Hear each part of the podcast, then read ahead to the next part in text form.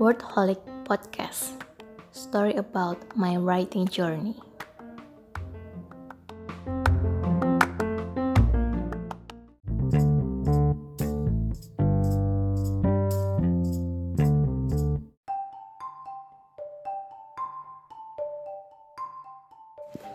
Halo teman-teman Wordholic Podcast.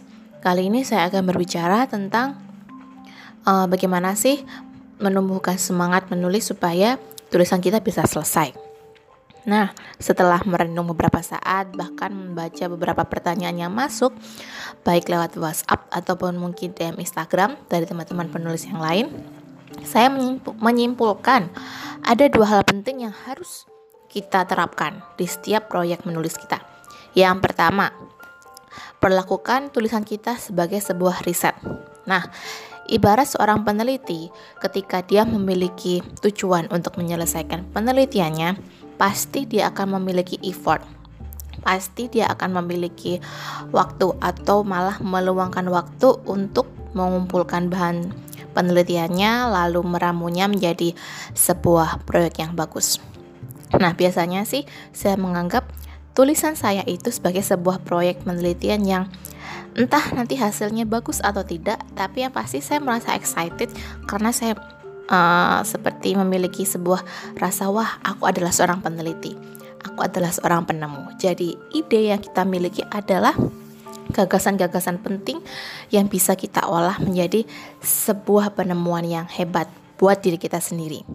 Untuk nanti hasilnya pembaca menilai itu jelek atau buruk hmm, banyak sekali peneliti-peneliti sains yang melakukan uh, riset yang hasilnya juga tidak selalu langsung baik kan. Pasti mereka juga akan mengalami banyak kegagalan. Itu yang harus kita terapkan.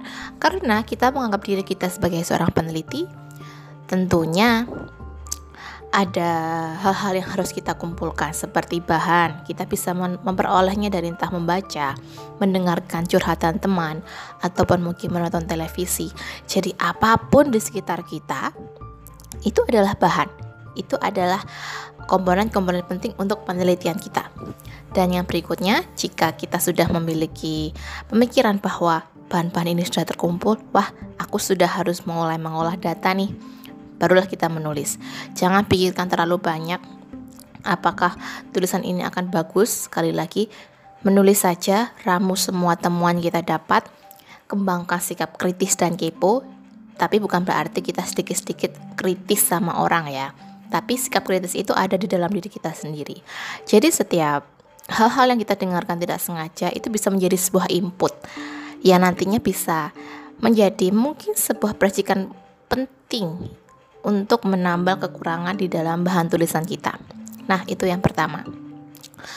Yang kedua, sekaligus yang paling penting adalah buatlah deadline di setiap penelitian itu atau sebuah proyek yang kita kerjakan, buatlah sebuah deadline. Meskipun kita tidak sedang mengikuti lomba menulis, biasanya saya akan mencatat di Google Calendar saya ataupun mungkin uh, di buku agenda saya bahwa saya akan menyelesaikan berapa 100 sekian halaman di tanggal sekian. Misalnya dalam sebulan saya menyelesaikan 50 halaman ataupun mungkin 100 halaman.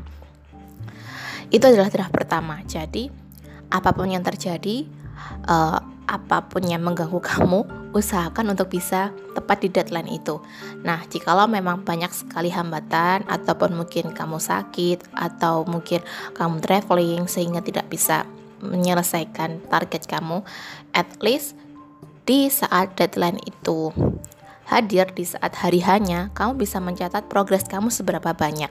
Nah, kalau kamu sudah tahu uh, progres kamu apa, hambatan kamu apa, kamu harus menganalisa kira-kira apa sih yang membuat kita terganggu atau apa sih yang membuat saya selama ini kalau menulis itu kok jadi malas ya tiba-tiba di tengah-tengah. Setiap hari selalu buat catatan progres kamu.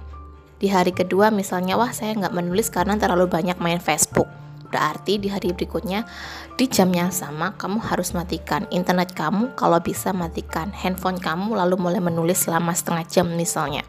Lalu jadikan itu habit. Jadi uh, catatan ini akan membuat kamu sadar semua gangguan kecil ataupun besar yang bisa menghambatmu untuk menulis. Di saat deadline tiba, kamu juga bisa menganalisa kecepatan menulis kamu seperti seberapa besar. Misalnya, selama sebulan ternyata kamu bisa menulis selama 50 halaman dengan uh, track misalnya dua hari sekali menulis ataupun mungkin satu hari menulis berapa ratus kata. Kalau kamu membuat catatan harian progres, lalu juga menganalisa di saat deadline itu muncul, semoga kamu bisa menemukan trik-trik untuk mengatasi uh, hambatan menulis kamu ataupun mungkin kemalasan-kemalasan yang selama ini muncul di saat kamu menulis.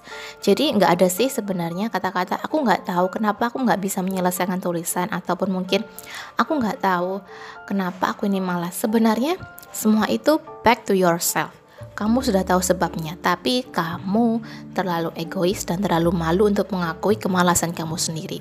Jadi, buatlah catatan harian dan juga analisa di saat deadline. Uh, sorry ya kalau ngomongnya kecepatan karena memang saya merekam ini di saat sebelum berangkat bekerja. Jadi, semoga eh, kalimat-kalimat uh, saya yang mungkin tidak terlalu penting, tapi semoga bisa memberikan kamu insight dan juga semangat untuk menyelesaikan tulisan. Nah, insya Allah mungkin beberapa minggu lagi saya juga akan membuat workshop free tentang content writing di Surabaya.